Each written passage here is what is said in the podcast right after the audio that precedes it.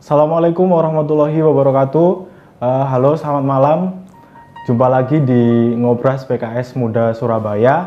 Uh, perkenalkan, saya Dio. Uh, Ngobras kali ini memasuki uh, episode ketiga. Uh, insya Allah kita sudah menghadirkan uh, salah satu narasumber yang mungkin teman-teman uh, PKS Muda semuanya sudah pada kenal ya sama beliau ini.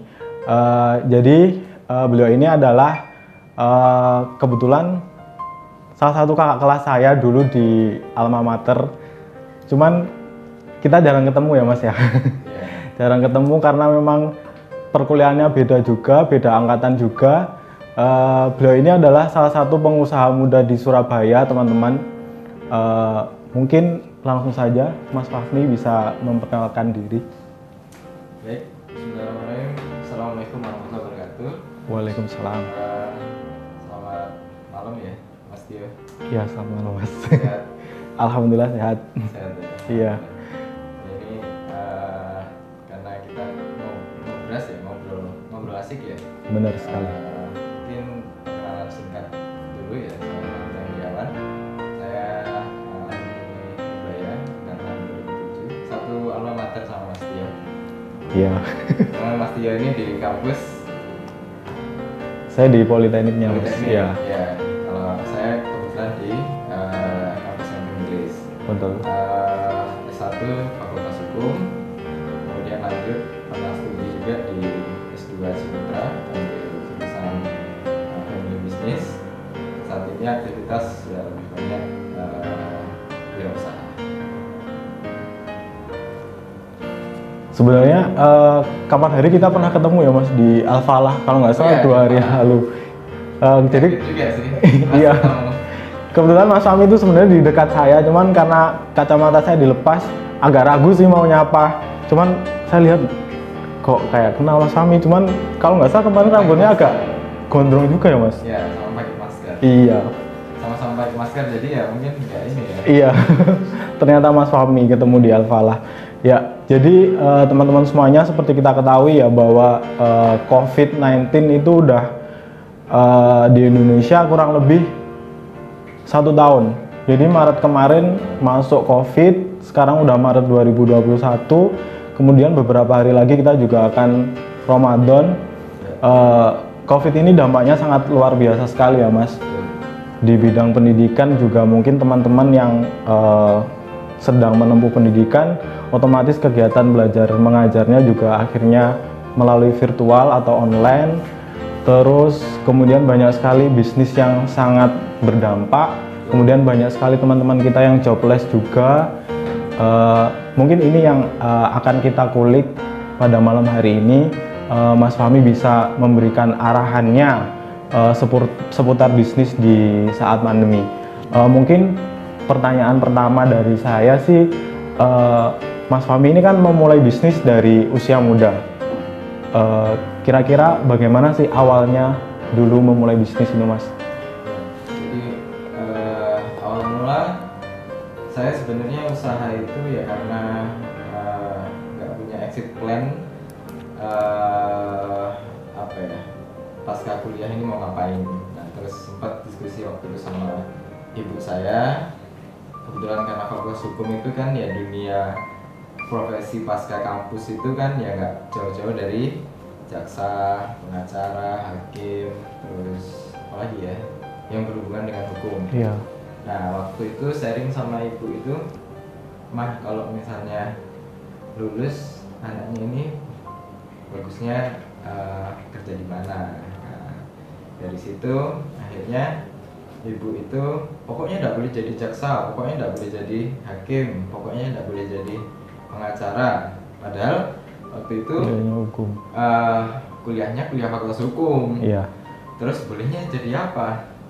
Ya kalau notaris masih boleh lah. Nah, terus akhirnya saya dari itu mikir karena wis kadung masuk ya, kadung nyemplung, kadung jebur di fakultas hukum. Semes- ya karena kebetulan aktivis, aktivis dakwah, eh, aktivis organisasi di kampus. Nah dari situ ngumpulin lah beasiswa. Dari beasiswa itu terkumpul eh, semester 5 ya umur 19 tahun waktu itu. Karena punya skill di organisasi itu bagian desain. Dari situ mikir ini uang beasiswa daripada nganggur enaknya buat dibeli apa ya? Nah dari situ akhirnya mikir eh, searching-searching di internet itu cari usaha dengan modal yang minim terus eh, dengan skill desain. Ketemulah akhirnya waktu itu eh, apa ya digital printing. Buat pin buat muk ya gitu-gitu. Nah waktu itu eh, kita nggak ada gambaran bisnisnya ini mau dikerjakan kayak gimana. Jadi ya cuma searching di internet terus nemu eh, kita beli alat waktu itu di Jakarta pulang sampai Surabaya. Itu eh, kita akhirnya memulai dari hal yang kecil hal yang sederhana. Jadi alat itu saya taruh di rumah saya operasionalkan dari rumah. Nah dari situlah kemudian pertama kali awal saya masuk ke dunia bisnis. Jadi bisnis saya pertama kali itu ya digital printing. Mas. Tio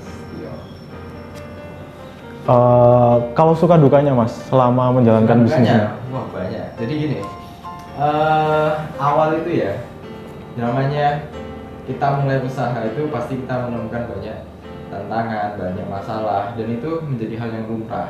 Sama seperti saya di usia 19 tahun waktu itu eh yang saya alami juga sama. Jadi ketika saya beli alat alat saya bawa ke Surabaya saya coba operasionalkan waktu itu masalah yang pertama kali saya temui itu sudah di training sih waktu di Jakarta tapi yang namanya training itu ya sehari dua hari kan lupa. Sampai Surabaya yo bingung lagi. Nah itu saya juga waduh ini heman ini sekadung beli alat. Terus sampai Surabaya itu akhirnya eh, banyak trouble di masalah produksi awal-awal itu. Eh, trouble-nya itu masalah bahan bakunya terus kemudian waktu nyetaknya itu beberapa kali saya coba itu gagal. Jadi pertama kali kita nyoba bisnis itu ya eh, kita akan menemukan masalah-masalah seperti itu. Tapi yang paling penting adalah bagaimana kita belajar.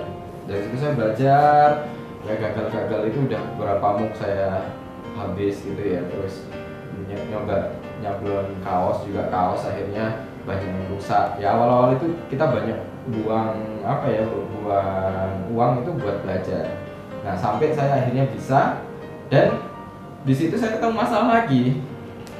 Iki wis iso gawe terus ya apa dodolane kan gitu. Gimana Jualannya. jualannya iya kan? Kan biasanya banyak tuh eh, teman-teman yang mulai usaha bisa produksi terus akhirnya mikir ini kalau udah bisa produksi terus jualannya gimana terus? Kan gitu ya. Saya juga dulu merasakan hal yang sama. Jadi sebetulnya nih apa sakit saya tuh karena di rumah nggak ada pelang nggak ada spanduk nggak ada papan nama. Saya itu punya toko saya itu jualan orang nggak ada yang tahu. Belum ada online shop kayak sekarang belum ya ada itu belum ada. 2009 saya mulai itu 2009 nah dari situ saya akhirnya ya kekuatan saya waktu itu cuma doa aja. Jadi saya doa sama Allah waktu itu ya Allah berikan saya orderan ya Allah gitu kan. Nah sayangnya doa saya tidak spesifik Mas Tio. Jadi waktu saya doa itu ya Allah kasih saya orderan ya Allah. Dari situ saya tidak tahu ya eh, kayaknya kan karena mikir terus usahanya ini harus jalan harus jalan. Nah, dari situ coba-coba buat proposal kirim ke beberapa perusahaan. Nah kok tembus perusahaan? Waktu itu namanya Blueprinting dia punya tiga cabang. Saya display eh, alat-alat apa display produk saya. Kalau misalnya ada orderan dia tinggal call saya. Nah itu ternyata tembus langsung tiga outlet. Nah dari situ eh, mulai tanda kutip ya bahasanya kebanjiran order ya. Jadi ordernya Hmm. tiap hari terus. Sampai saya itu kan harus bagi waktu kuliah harus bagi waktu organisasi harus bagi waktu wirausaha. Nah dari situ mulai berantakan tuh hidup saya itu oh berarti eh, belum ada rekrutmen karyawan ya mas? Masih dikerjakan Belum sendiri ada, tuh masih dikerjakan sendiri semua. Jadi hampir setiap hari tuh saya kayak apa ya kayak zombie gitu ya. Eh, zombie. kayak zombie itu kan gini ya pagi uh, pulang pagi eh, pergi pagi sekali. Saya subuh itu udah mulai apa ya mulai produksi jam 6 saya harus rapat jam 8 saya harus kuliah terus saya harus pergi ke PGS untuk apa namanya uh, beli bahan-bahan baku pulang lagi. Rumah saya PGS waktu itu uh, ya lumayan jauh ya sekitar setengah jam. Kan saya di Surabaya Timur daerah Rungkut PGS itu kan Surabaya Utara. Iya. itu tiap hari itu. Bayangin tiap hari itu orderan terus masuk. Nah sampai satu titik itu saya itu gini ini like, kok ini terus saya bisa habis. Habis itu maksudnya ya kesehatannya kena terus organisasi saya juga berantakan terus kuliah saya juga bisa berantakan. Sampai waktu itu doa aja saya ralat mas Tio. Jadi ya Allah kasih saya orderan ya nah begitu orderan banyak. Saya kan tidak siap ya kan? Namanya juga anak muda umur 19 tahun kebanjiran order bingung cara manajemennya. Apalagi saya fakultasnya fakultas hukum. Akhirnya dari situ saya doa lagi ya Allah jangan banyak-banyak ya Allah orderannya ya. Allah jadi eh, waktu saya doa kayak gitu komplainan banyak yang muncul Mas Tio. Jadi saya dikomplain banyak orang itu ya karena orderan masuk terus banyak. Tapi karena saya handling apa ya handling produksinya akhirnya kewalahan dari situlah muncul banyak masalah di produksi masalah di kiriman. Sampai saya dikomplain banyak orang di saat titik itulah kemudian eh, saya memutuskan untuk saya tidak melanjutkan kerjasama dengan printing. Kenapa? Ya kita dikasihan blue printing juga namanya akhirnya bisa rusak juga. Nah, dari situ eh, ya pengalaman pertama saya memulai usaha. Tapi saya tidak berhenti sampai di situ. Kalau tadi kan dukanya mas, kalau sukanya apa mas? Kalau sukanya, kalau usaha itu banyak dukanya pasti. oh banyak dukanya. Kalau sukanya ya mungkin eh, ketika bisnis mulai jalan, ya mulai perform, terus saya itu punya visi mas Tio. Kalau saya usaha itu saya orientasinya bukan hanya eh, cari materi, cari duniawi enggak. Eh, lebih dari itu, value yang saya tanam eh, khususnya untuk memotivasi diri saya sendiri itu eh, saya itu pengen menciptakan eh, apa ya menciptakan peluang pekerjaan bagi banyak orang. Jadi semakin banyak karyawan itu itu merupakan sebuah prestasi. Maksudnya prestasi itu ada apa ya tadi kalau suka ya suka sukanya duka kan. Nah kalau suka itu semakin banyak karyawan saya semakin suka. Nah dari situ saya bisa nyambung banyak hidup orang. Terus dari situ juga kita akan mendapatkan banyak ladang pahala dari or, nyambung hidup orang itu kan pahalanya besar ya kan? Iya. kalau misalnya kita punya karyawan lima aja kita nyambung lima hidup tidak hanya dia saja mungkin dia punya keluarga punya anak nah, kalau semakin banyak nah di situ saya mulai apa ya merasakan eh, sebagaimana hadis nabi itu sebaik-baiknya orang yang bermanfaat bagi orang lain Iya. jadi ya kita ini hidup itu tidak mikirin diri sendiri nggak mikirin. Saya itu tidak apa ya jarang eh, mikirin ibaratnya keluarga sendiri itu enggak malahan. Ya maksudnya bukan saya enggak enggak mikirin istri saya enggak ya. Eh, lebih banyak itu saya itu justru banyak itu pikiran saya itu kepikiran karyawan saya ini gimana anaknya gimana. Oh. karena eh, kalau kita punya karyawan gitu ya itu masalahnya banyak mas ya. Mulai dari anaknya mau masuk sekolah terus ada yang nggak bisa bayar cicilan kontrakan ada yang macam-macam pokoknya mau melahirkan ada yang istrinya sakit anaknya sakit nah itu pusingnya itu malah di situ Nah, tapi nikmatnya justru di situ juga Iya. gitu ya. Masya Allah ya kalau punya bos seperti Mas Fahmi. Soalnya saya kan juga karyawan mas, jadi kalau kalau Mas Fahmi bilang tadi, gini kita juga repot ya kayaknya setelah ini nanti saya mau ngelamar di tempatnya Mas Fahmi aja. Eh, mungkin lanjut ke pertanyaan ketiga ya Mas. Eh, tadi sempat disinggung juga masalah eh, pandemi. Eh, di sempat eh, di awal tadi saya sempat bilang bahwa banyak sekali usaha atau bisnis-bisnis khususnya di Surabaya yang eh, mungkin ada mohon maaf gulung tikar, kemudian karyawannya juga di WFH kan karena memang perusahaan tidak bisa eh, bayar salary-nya secara penuh. Nah, kalau dari tempatnya Mas Fahmi sendiri, bagaimana bisa survive Ya, sampai sekarang atau terdampak juga dengan COVID ini, Mas? Oke. Em, prinsipnya gini ya. Jadi orang-orang kerdil itu ya, berpikirnya lebih banyak mengeluh. Ya. Banyak mengeluh, banyak mungkin ya ketika mengalami situasi semua akan merasakan hal yang sama mas Tio. Jadi di pandemi ini banyak usaha yang kena pukul karena masalah pandemi. Cuman Hmm. yang perlu kita benerin ini mindset kita dulu Mindset. orang-orang kerdil itu mindsetnya pasti eh, banyak ngeluhnya ini gimana nih nyalakan keadaan kemudian mungkin sampai ada yang misu-misu gitu ya Eh, atau eh, bahkan ekstrimnya putus asa ya putus asa padahal kita sebagai orang yang beriman itu tidak boleh putus asa. Ya karena orang-orang hebat itu berpikirnya itu find the solution. Ya cari solusi bukan eh, ngeluh terus. Lek ngeluh terus. Jalan keluarnya tidak akan kita temukan. Ya. jadi eh, find the solution. Jadi ada masalah nih pasti ada solusinya. Kalau kita mau bekerja kalau kalau kita mau bergerak. Nah, PR-nya itu justru cari solusinya dan Hmm. find the opportunity ya. bagaimana kita menemukan peluang kan banyak juga tuh misalnya gini dalam bisnis itu prinsipnya itu adalah bisnis yang bagus itu uh, is the problem solver ya. Jadi bisnis yang bagus itu kita menyelesaikan masalah masyarakat. Ya, contoh misalnya kayak Gojek, kenapa dia bisa berhasil? Karena Ya. dia bisa menyelesaikan masalah yang ada di masyarakat. Tokopedia, kenapa dia berhasil? Karena dia juga bisa menyelesaikan masalah orang. Orang tadinya kalau mau buka toko itu harus sewa tempat, ya kan? Sekarang orang nggak perlu sewa tempat, nggak perlu keluar uang buat bayar sewa. Nah, semua orang sekarang bisa jualan dengan adanya Tokopedia. Itu menyelesaikan masalah mesti. Sama dengan pandemi, tinggal kita cari orang lain ini punya masalah apa itu sebenarnya peluang. Kalau orang lain semua ngeluh, ya kita justru menghadirkan solusi. Nah, gitu.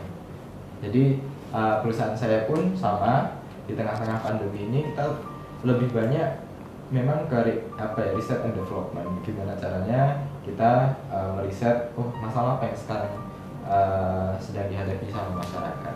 Nah perusahaan saya bisa menyediakan fasilitas apa untuk membantu masyarakat. Nah, contoh misalnya sekarang kita mulai develop uh, kayak misalnya frozen food, kemudian juga develop misalnya cooking class ya supaya misalnya sekarang kan banyak ibu-ibu yang dia lebih banyak di rumah tuh Iya. Nah, dia di rumah ngapain kan bingung.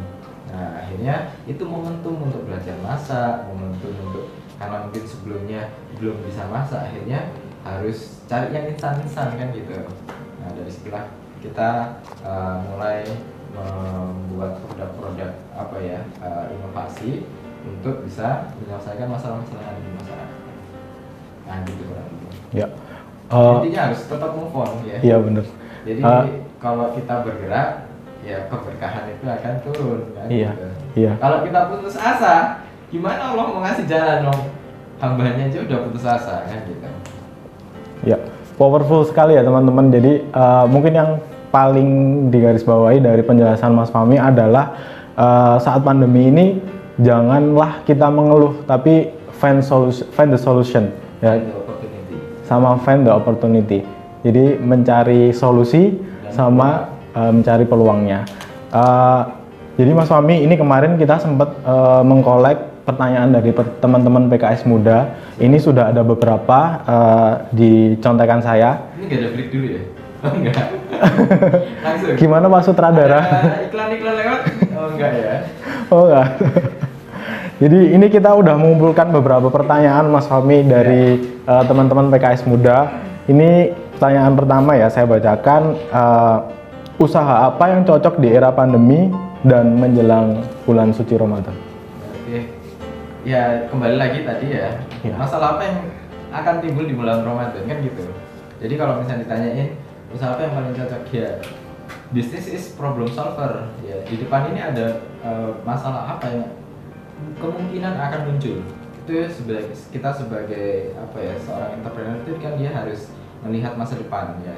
Ini di depan ada apa? Nah dari situlah kita bisa mengcreate sebuah produk inovasi dan seterusnya yang berkaitan dengan eh, dinamika itu tadi dinamika perubahan apa sosial masyarakat dan seterusnya tadi. Nah, kalau di Ramadan kira-kira apa? Saya balikkan ke Mas Tio. Kira-kira apa nih Mas Tio? Kalau Ramadan itu orang butuh apa sih? Eh, kalau kemarin sih teman saya curhat itu ini mas butuh butuh istri mas. oh enggak mas Eh, mungkin kue-kue Ramadan ya mas kayak kue kue-kue Lebaran sorry Kue-kue Iya. lebaran. Oke. Ini udah udah mulai pinter nih kan. Nah, udah bisa menemukan oh ada masalah ini. Oh, solusinya berarti apa kalau solusinya orang bu- butuh kue le- eh, lebaran atau kue kering tadi? Ya bikin kue kering kan? iya betul Jadi sederhana aja. Yang sedang dirasakan banyak dia di apa ya, dikeluhkan sama masyarakat itu kita harus ciptakan solusi. Ya. Sekarang pandemi pasti bisnis yang survive itu yang berkaitan dengan apa nih pandemi makanan kemudian kesehatan industri-industri yang tidak jauh-jauh dari itu terus penyedia jasa internet mungkin ya kan sekarang semuanya daring ya iya kan? benar Nah, ada itu beberapa yang mulai menciptakan inovasi, misalnya gini satu perumahan tuh, satu perumahan dia eh, supaya internetnya murah itu di share ke eh, misalnya satu komplek terus Iya. dibayar di dia gitu. Nah model-model kayak gitu karena itu memang real masa masalah yang bisa kita selesaikan di masyarakat dan di situ juga insya Allah akan ada nilai keberkahan karena kita membantu banyak orang. Nah, gitu.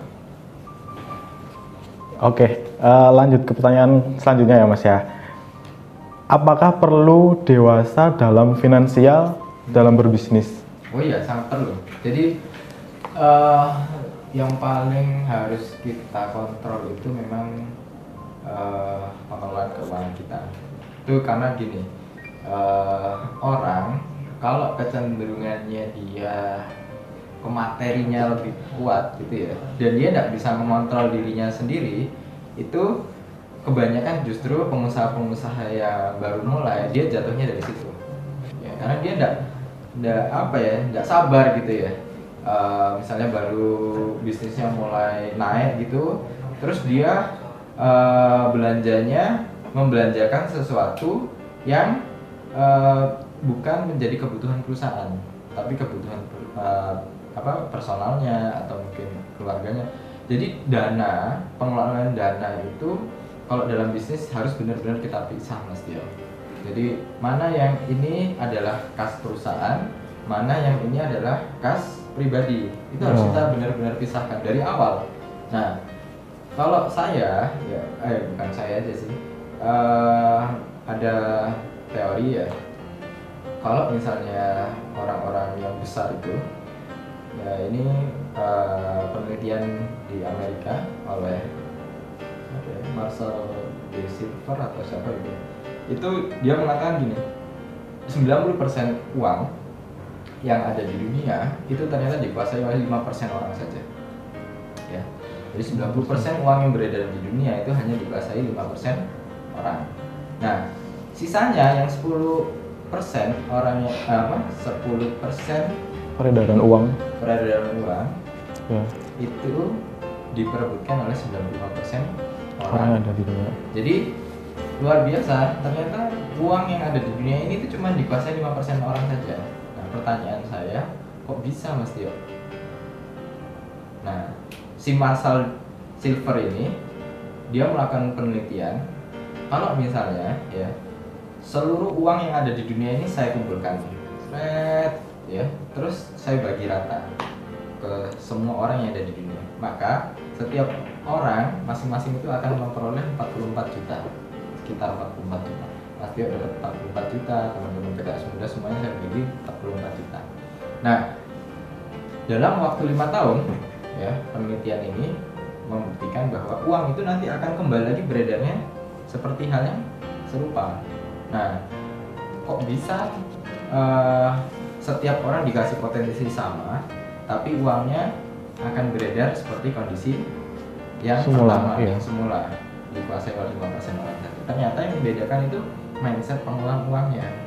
Jadi orang kelas menengah ke bawah kalau punya duit ya, ini kalau punya duit ya, itu dia belan, larinya belanjanya itu ke pengeluaran. Semuanya ke pengeluaran. Misalnya dikasih 44 juta mikirnya Mas Tio pengen beli apa? Misalnya Beli- motor mungkin ya. Ya, Atau handphone baru, Mas. handphone baru. Nah hal-hal yang seperti itu eh, itu kan pendewasaan tadi ya. Jadi eh, orang kelas menengah ke bawah itu mikirnya itu eh, belanja ke pengeluaran gitu jadi ada duit dibuat belanja ke pengeluaran bahkan ada yang gini dikasih duit 44 juta nih belanjanya itu lebih dari 44 juta mas Tio nah itu listnya lebih banyak ya kan? Nah kalau kita model yang pertama ini maka kita itu akan menjadi orang yang me- me- apa 95% orang yang memperebutkan 10% uang saja. Kenapa? Itu tadi dikasih potensi yang sama mikirnya udah belanja udah habis. Ya. Nah berbeda dengan tipe yang kedua kalau tipe kedua ini ya lumayan lebih maju ya dia belanjanya untuk pengeluaran sama liability liability itu mungkin mulai eh, beli apa namanya eh, sesuatu tapi dia tidak bisa menghasilkan misalnya gini ada perbedaan aset dengan liability mas Tio ini kan akuntan ya Eh, perpajakan sih Oh, mas. perpajakan. Kan wah, pemain perpajakan. Tahu ini. Ada yang namanya liability, ada yang namanya aset, ya kan? Iya. Kalau saya misalnya beli mobil, saya pakai sendiri, masuk aset apa liability? Eh, aset. Hah? Saya punya mobil nih. Iya. Saya pakai sendiri, masuk aset apa liability? Masuk aset tapi disusutkan. Masuk Nggak aset gitu ya? Oke. Saya kasih pertanyaan kedua. Kalau saya punya mobil, saya rentalkan, masuk aset apa liability? Aset. Aset ya mas. ya. Saya jadi bingung. jadi, jadi gini, ya ini ada perbedaan yang paling dasar. Kalau aset, ya, barang yang kita beli itu bisa menghasilkan lagi, menghasilkan sesuatu income, itu aset, ya. Kalau liability itu enggak. Jadi kalau misalnya saya punya mobil, saya pakai sendiri itu masuk liability. Kalau saya punya rumah, saya pakai sendiri, rumah saya masuk liability. Tapi kalau saya punya rumah, saya pakai buat kos-kosan, masuk aset. Oke ya. Nah, kelompok yang kedua ini dia mikirnya belanja. Kalau belanja itu barangnya habis, ya. Kalau liability itu tidak habis, ya. Barangnya suatu apa bisa dijual. Nah, yang kelompok kedua ini masuknya pengeluaran sama liability. Nah, ini kelompok menengah. Nah, orang yang menguasai 5% uang yang ada 90% di dunia ini itu berpikirnya dengan cara yang ketiga Mas Tio. Jadi dia punya eh, duit ya 44 juta tadi. Mikirnya semuanya itu dimasukkan ke aset. Caranya gimana? Dia pasti mikir gini. Orang yang lain ini butuh apa ya? Wah, dia butuh makan. Dia akhirnya klik misalnya beli rombong bakso. Rombong bakso berapa? 2 juta misalnya. Ya. Kalau 44 juta dapat berapa rombong?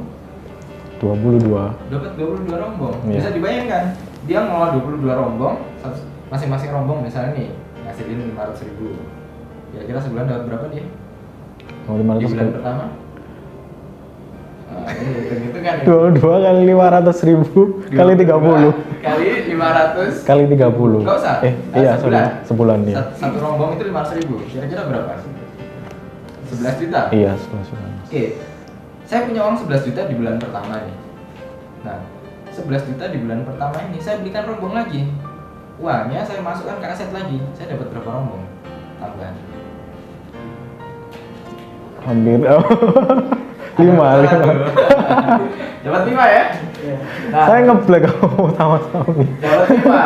Nah, rombongnya na- nambah berapa di bulan kedua? nambah 5 Iya, lima dari Dua- dari 22. 22. 22 dari tambah lima berarti 27 27 diulangi terus seperti itu mas Tio. Dalam waktu satu tahun dia punya rombongan yang sangat banyak dan itulah cara berpikir orang-orang yang berhasil dalam hal finansial. Jadi kalau punya uang eh, apalagi masih muda ya itu sebisa mungkin alokasinya untuk investasi aset. Kalau saya dulu masih muda asetnya nggak hanya itu tadi eh, nggak nggak hanya sesuatu yang menghasilkan itu aja tapi ada yang namanya aset eh, apa ya aset leher ke atas ya Di leher ke atas itu mumpung masih muda banyak belajar ya. Ada seminar kita ikut Nah, saya dulu gitu eh, masih mudanya saya itu ahlul workshop dulu. Ahlul workshop. workshop ahlul seminar. Suka gitu ya kalau ada seminar ada workshop ada apa pun itu kita ikut. Dari situ juga saya mengembangkan banyak jaringan banyak relasi ketemu orang baru.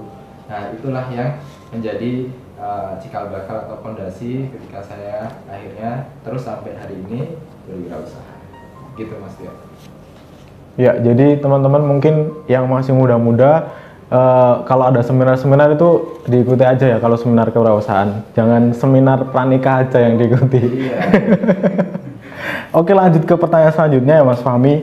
Uh, ini pertanyaan pertanyaannya adalah setelah dewasa dalam finansial, apa investasi terbaik di era pandemi seperti ini? Emas, komoditi, saham, atau properti? Iya. Jadi gini, saya itu kan semua pilihan, ya. Semua pilihan itu artinya ada positif, ada negatif. Jadi eh, ya ada plus minus lah, bukan negatif. Plus minus itu pasti ada, ya. Ada yang lebih safety, ada yang lebih risk, ya. Nah, saya eh, kasih clue-nya aja. Jadi gini, bisnis itu adalah mengkalkulasi resiko, ya. Bukan untung rugi. Kalau untung rugi, kita bisa jadi untung Mas Tio tapi sebenarnya rugi secara resiko misalnya gini dalam bisnis itu kita bisa kehilangan 100% modal betul ya kan? Iya.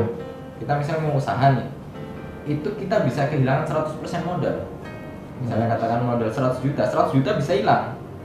Kalau kita hanya memproyeksi untungnya 10 juta ya 100 juta jadi 110 juta untung apa rugi? Untung ya kan? Untung 10 juta kan? Tapi dari sisi resiko itu tidak worth it. Kenapa? 100 juta kita bisa hilang untungnya cuma 10 juta. Nah jadi yang benar itu calculate risk kalkulasi resiko. Nah jadi gini kita memper uh, mempertimbangkan itu resiko itu dengan matang dulu. Dari situlah kita membuat sebuah keputusan. Jadi uh, semua itu tergantung dari orangnya. Jadi ada di teori bisnis itu namanya affordable loss principle. Affordable loss principle itu kita berani rugi berapa mas Tio dalam bisnis ya. setiap orang itu punya mental yang berbeda-beda. Ada orang itu berani rugi 10 juta ya sudah 10 juta yang kita gamblingkan atau kita masukkan dalam modal usaha.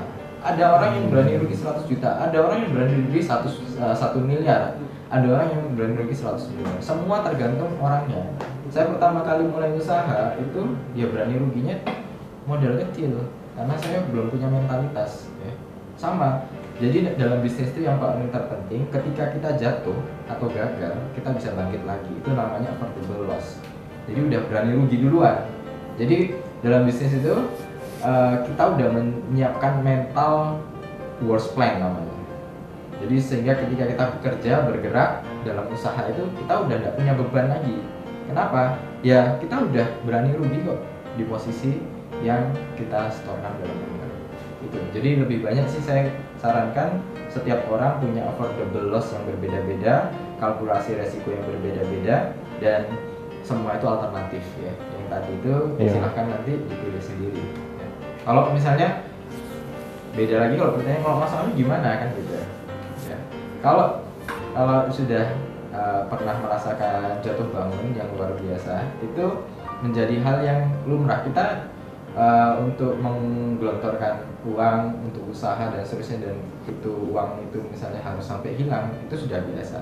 Jadi ya ya sudah nggak apa-apa biasa. Itu menjadi bagian dari ikhtiar saja oke Eh, intinya eh, gini ya Mas, mungkin kita investasinya Hmm. eh, misalkan kita Kalau yang aman Rugi. jelas yang lebih safety misalnya kayak emas itu kan Emas. aman ya safety.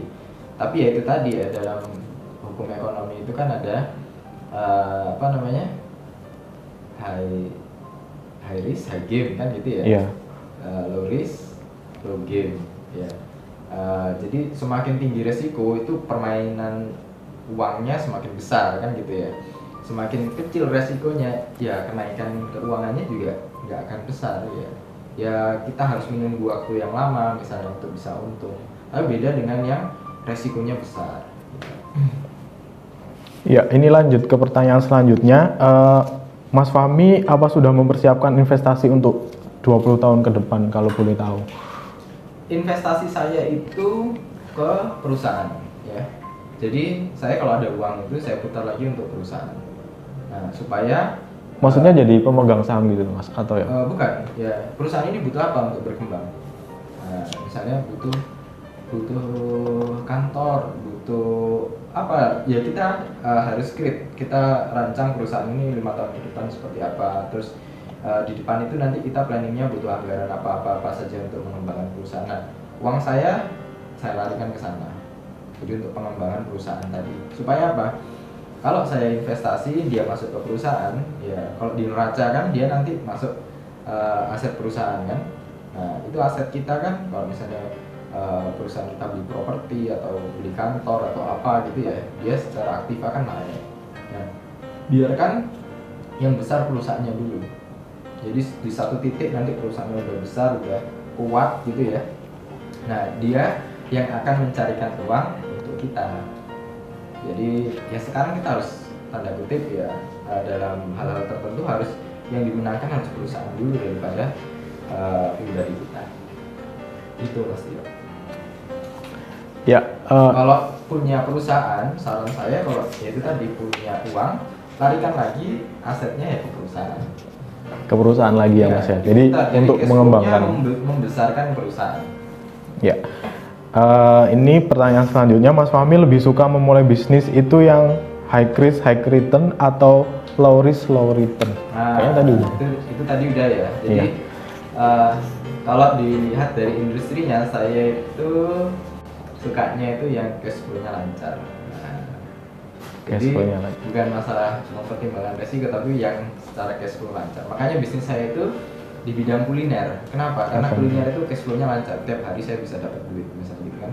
Kan nggak mungkin orang beli makan di resto eh, ngutang kan nggak mungkin ya. Nah, pasti. gitu ya. Yang secara eh, cash flow lancar ya terus ya masalah keuangan juga lancar. Karena apa? Saya mikir gini. eh, di usia saya yang masih muda itu saya tidak cocok kalau saya saya udah mikir gini dulu. Saya nggak cocok kalau bisnis saya itu yang cash flow-nya lambat. Cash flow lambat itu contoh gini Mas Tio. Eh, Mas Tio misalnya bisnisnya eh, tambak ya, tambak udang misalnya. Tambak udang itu kan kita naruh udang tuh. Itu kan nunggu supaya masa panen Iya. enam bulan. Ya. Nah cash flow-nya kan lambat. Ya. Jadi baru bisa dapat uang itu enam bulan lagi Saat panennya. saat Mas. panen dia lihat panennya untung lihat buntung buat anak-anak muda ya tidak cocok. Kalau menurut saya ya, ini ini masih ya kembali ke personal menurut saya tidak cocok. Kenapa? Habis waktu muda kita untuk nungguin panen ya kan? Kecuali tambaknya besar ya. Ini tambak ini dimasukin tanggal 1 ini tanggal 2 tanggal 3 nah itu nanti bisa tiap hari bisa panen tuh. Tapi kan butuh tambak berapa besar? Kan gitu ya. Oleh 6 bulan 6 kali 30 berarti berapa 180. 180 kolam kolam tambak uh, besar sekali dananya berapa nah, gitu.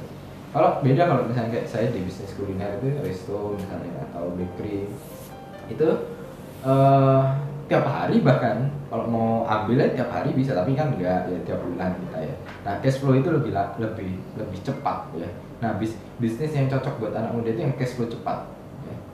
Misalnya bahkan tiap hari bisa diambil duitnya loh enak itu kita bisa mikir sini sini sini sini. Anak muda itu kan kreativitasnya terus pikirannya energinya masih besar. Nah bangun yang cash flow-nya cepat. Kalau lambat itu cocoknya buat anak orang-orang tua tuh yang udah pensiun kan? Pengennya lebih banyak eh, apa namanya ibadah mikir akhirat. Nah sambil punya tambak sambil nunggu Nunggu panen. Nah, Ya, eh, pertanyaan selanjutnya ini Mas Fahmi, eh, ketika kita sebagai pengusaha atau baru mulai usaha, kemudian kita memikirkan res- resiko usaha agak serius atau berlebihan, Hmm. apakah perilaku tersebut justru akan menghambat pengembangan usaha kita? Ya, jadi salah satu eh, saya punya materi ya yang bisa saya share ke apa namanya eh, teman-teman itu namanya effectual entrepreneur ya. Jadi effectual entrepreneur itu eh, membahas bagaimana sih perilaku eh, para pengusaha itu mindsetnya gimana sih. Nah, salah satu mindset yang dijelaskan di situ. Makanya kenapa dikatakan effectual karena dalam berbisnis itu uh, ibarat gini mas Tio kita kayak punya di rumah punya kulkas kan Iya. nah kalau ibu kita pengen masak ya masak hari ini biasanya kan ibu itu kecenderungannya kan tanya dulu sama Anak-anak anak-anaknya sama bapak. Mau masak apa misalnya? Mau masak apa misalnya? Pasti saya tanya mau masak apa. Biasanya sayur sop aja mas. nah sayur sop. Oke sayur sop. Nah begitu ada request sayur sop ibu seorang ibu itu kan dia ngecek kulkas tuh. Ada nggak ya ini bahannya? Oh nggak ada. Begitu nggak ada dia pasti belanja ke pasar dong.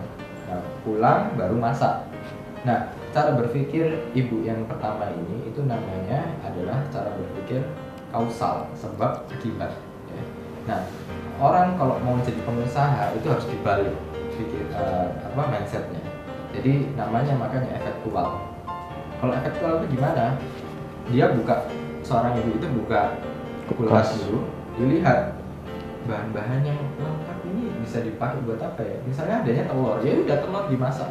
Ya. nah dalam berwirausaha memulai sesuatu itu juga sama. Jangan menunggu sempurna untuk kita memulai usaha. Karena susah mas. Kita itu bisnis itu bukan sendiri loh ya. Di belakang kita ini banyak yang pengusaha-pengusaha muda yang lain itu yang mau usaha. Kita baru konsep baru ini ini, yang ini udah jalan duluan jalan duluan. Nah begitu kita selesai konsep ternyata udah ada yang duluin. Ganti lagi konsepnya.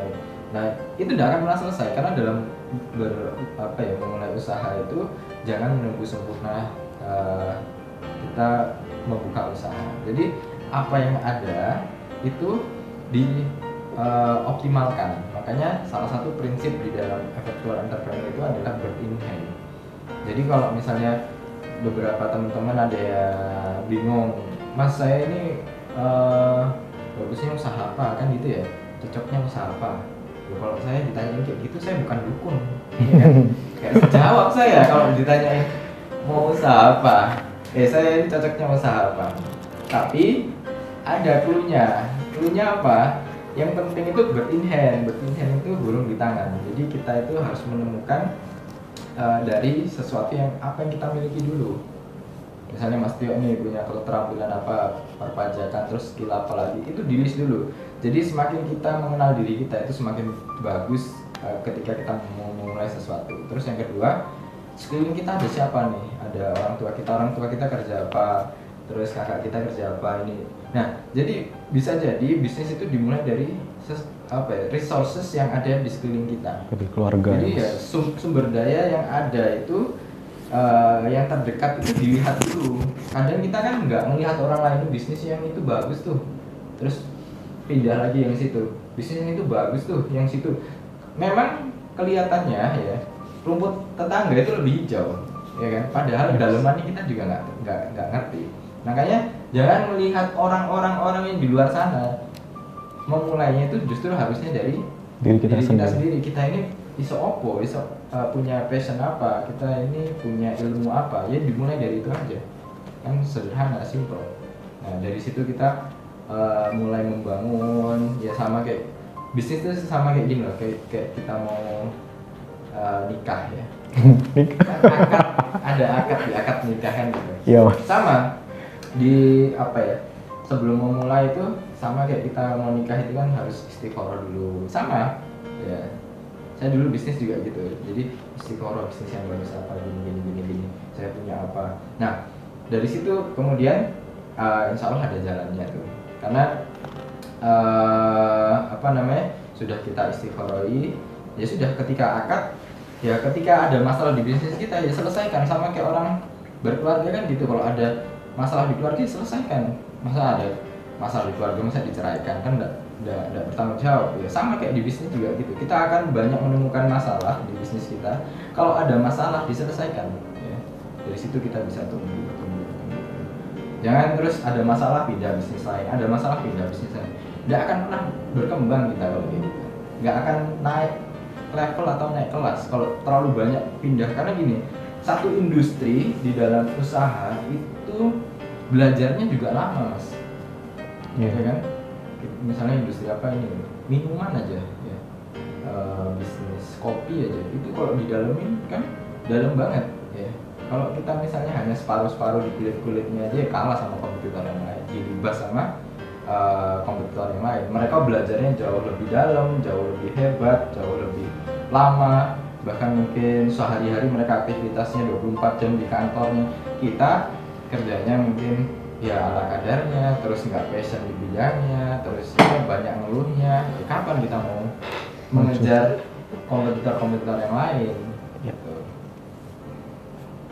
uh, ini last question ya mas ya ya Uh, banyak banget akhir-akhir ini yang buka usaha namun sayangnya cepat sekali tutup. Terkadang berpikir ini terkait dengan bagaimana membentuk pola pikir. Nah, bagaimana cara membentuk pola pikir pebisnis? Nah itu tadi.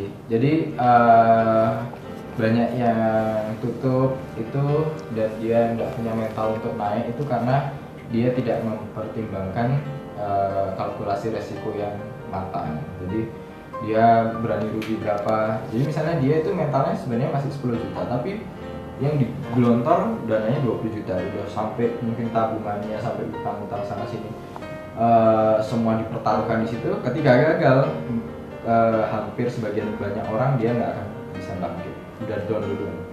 Nah, makanya eh, sebelum itu terjadi kita udah kalkulasi dari awal mental kita udah kuatkan ya sudah ketika jalan ya semua harus di apa ya di- dikeluarkan all out untuk usaha yang kita dirikan.